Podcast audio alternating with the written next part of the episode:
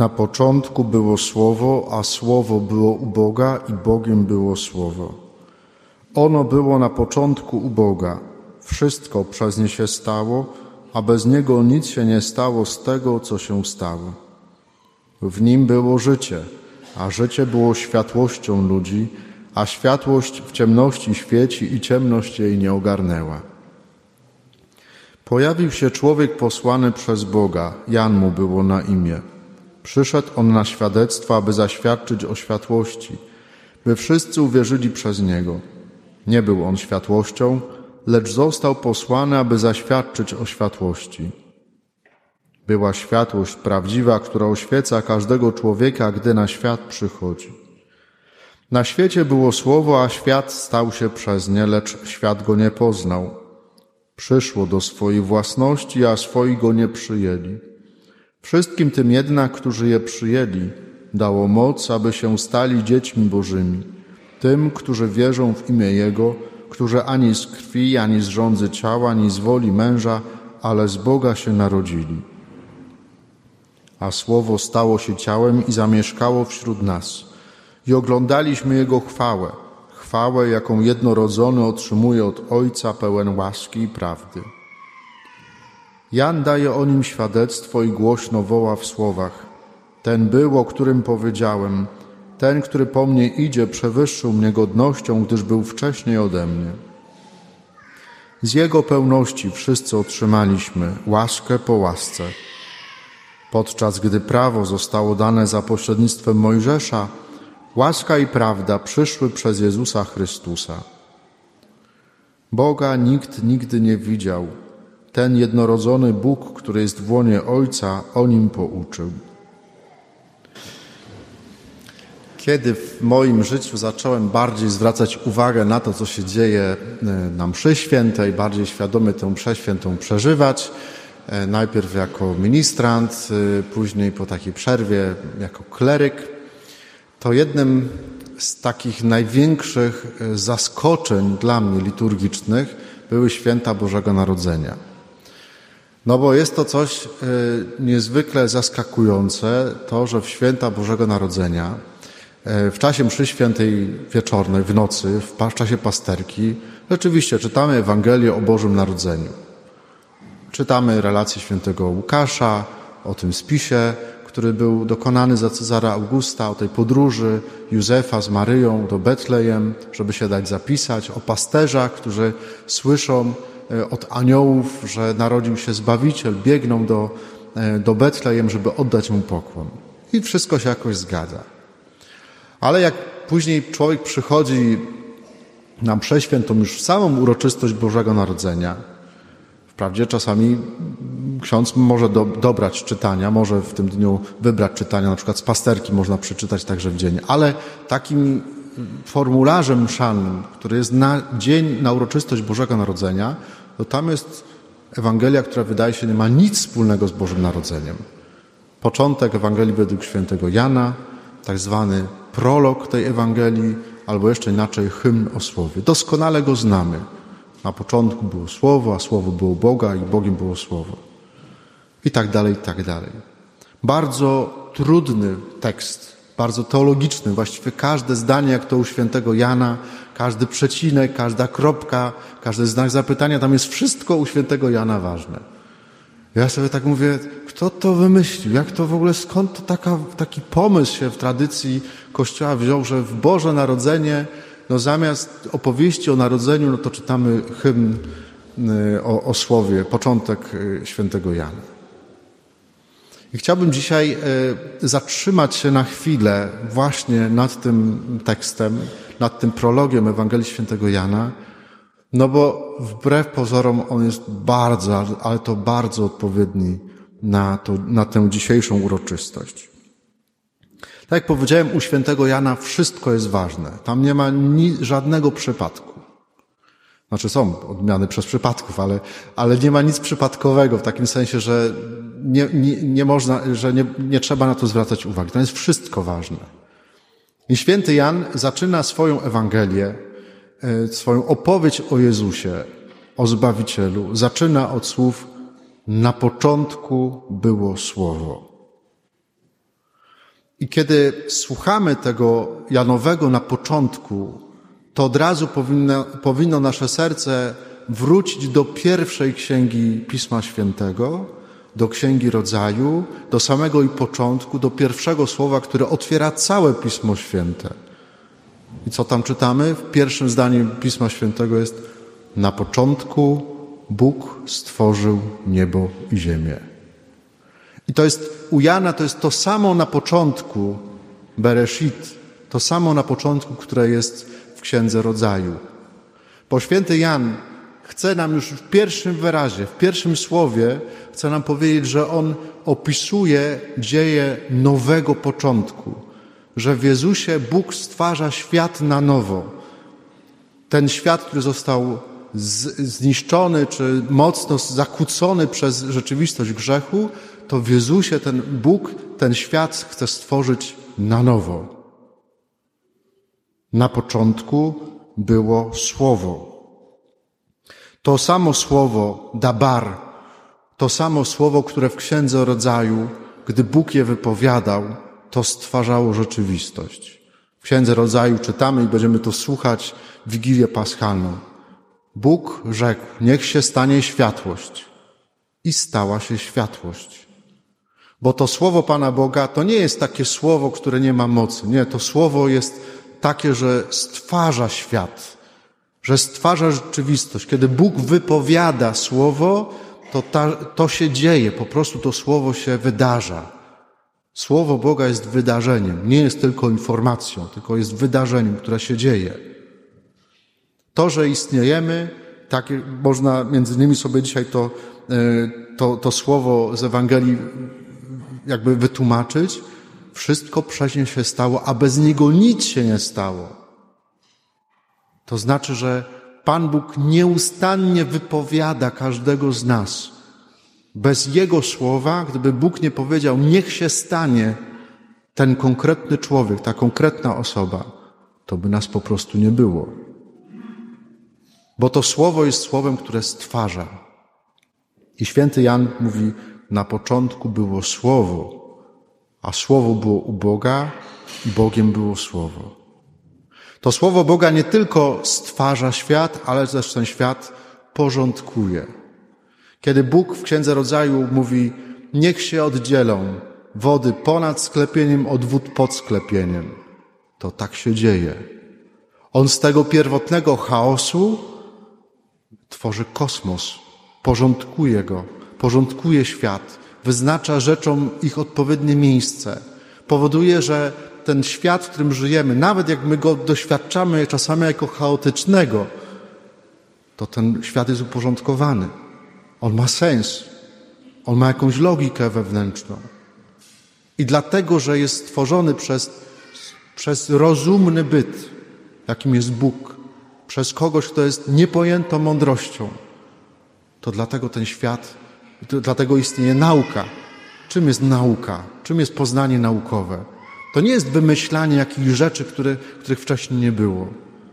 Poznanie naukowe w takim najbardziej pierwotnym rozumieniu to jest odkrywanie ludzkim intelektem tych prawd, odwiecznych prawd, które od zawsze są w świecie, choć może czasami jeszcze przez człowieka niepoznane. Jeśli człowiek myśli, że może coś nowego wymyślić, no to się myli.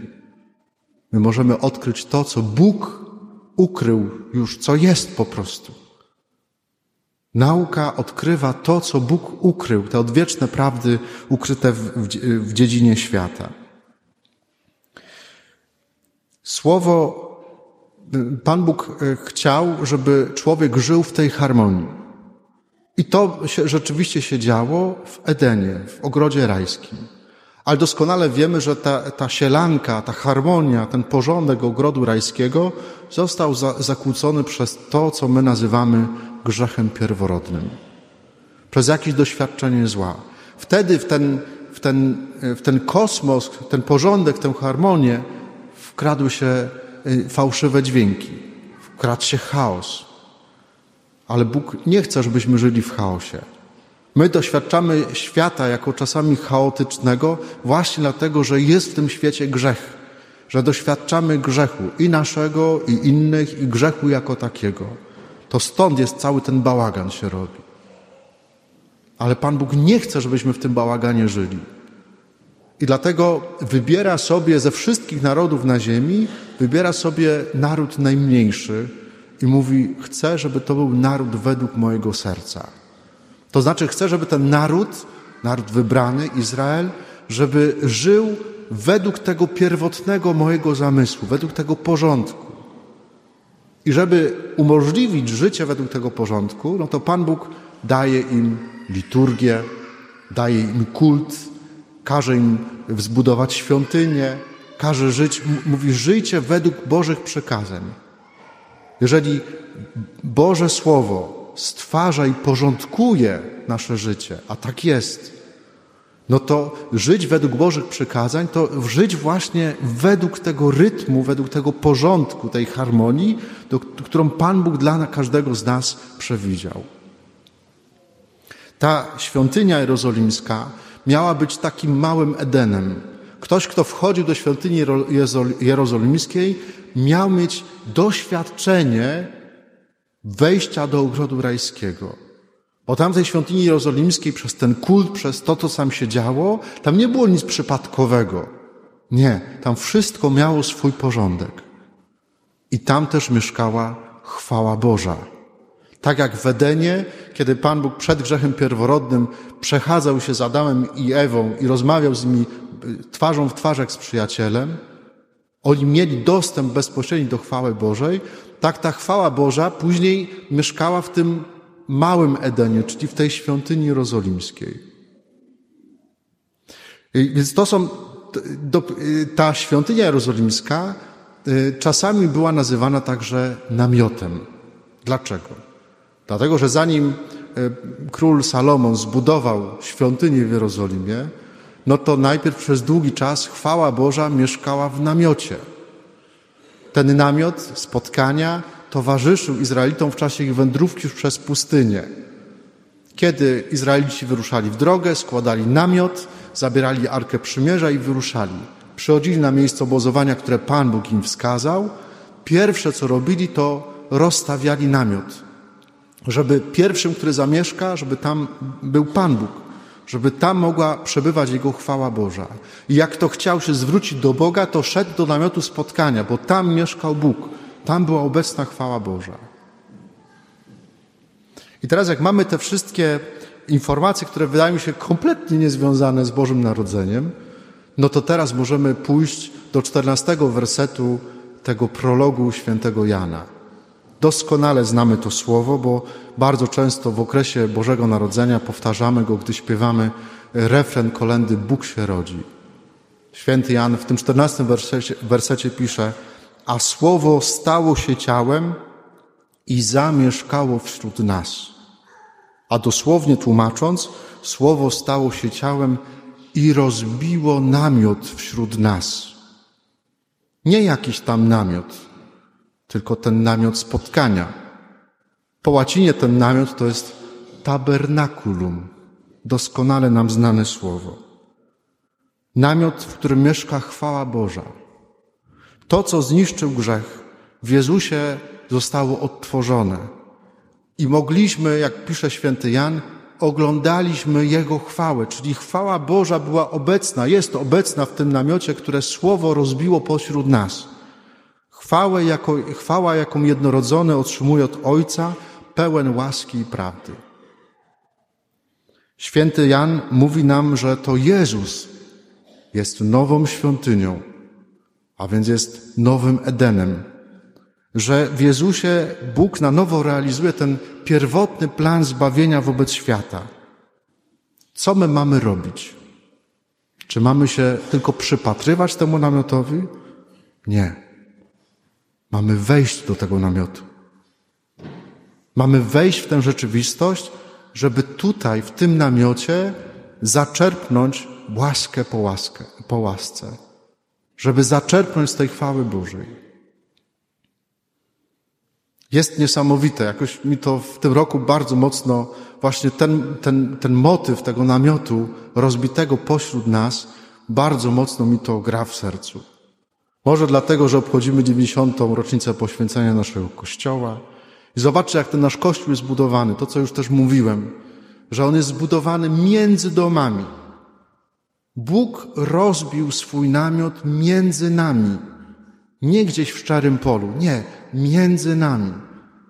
Tak to ci, którzy przed 90 laty budowali ten kościół, tak to wymyślili, że chcą, żeby Bóg zamieszkał między nami, żeby chwała Boża mieszkała w tym miejscu. Żebyśmy nie musieli chodzić do katedry czy gdzieśkolwiek indziej, tak to pierwej bywało, tylko żeby tutaj zamieszkał Bóg. I to zaproszenie Pana Boga, żeby przyjść, wejść do tego namiotu, żeby doświadczyć tej chwały Bożej, no to to jest zaproszenie stale aktualne. Ten namiot stoi tu nie po to, żebyśmy go oglądali z zewnątrz, tylko żebyśmy do niego weszli. To jest nasza nowa świątynia, nasz nowy Eden. Tutaj Pan Bóg dla nas stwarza świat na nowo. Tutaj porządkuje nasze życie swoim słowem. Tutaj e, porządkuje chaos, rozświetla ciemności, wprowadza w porządek w nasze życie. Tutaj dla nas, dla każdego z nas, słowo staje się ciałem. Tutaj możemy oglądać Jego chwałę. Tu możemy w tej chwale się zanurzyć. Możemy zaczerpnąć łaskę po łasce. Tutaj Bóg rozbił namiot między nami.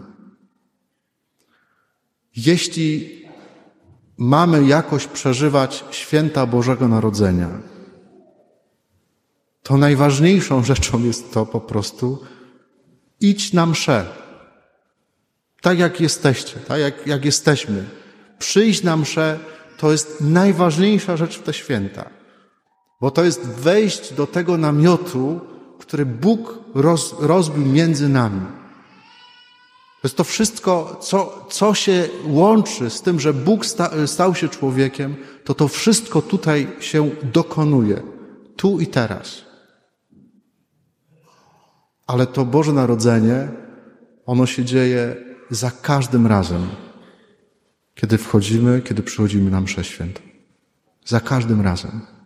To nie jest tylko coś odświętnego. To jest zaproszenie na każdy dzień naszego życia. Dosłownie na każdy dzień.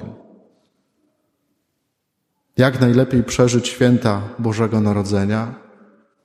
Iść na mszę. Amen.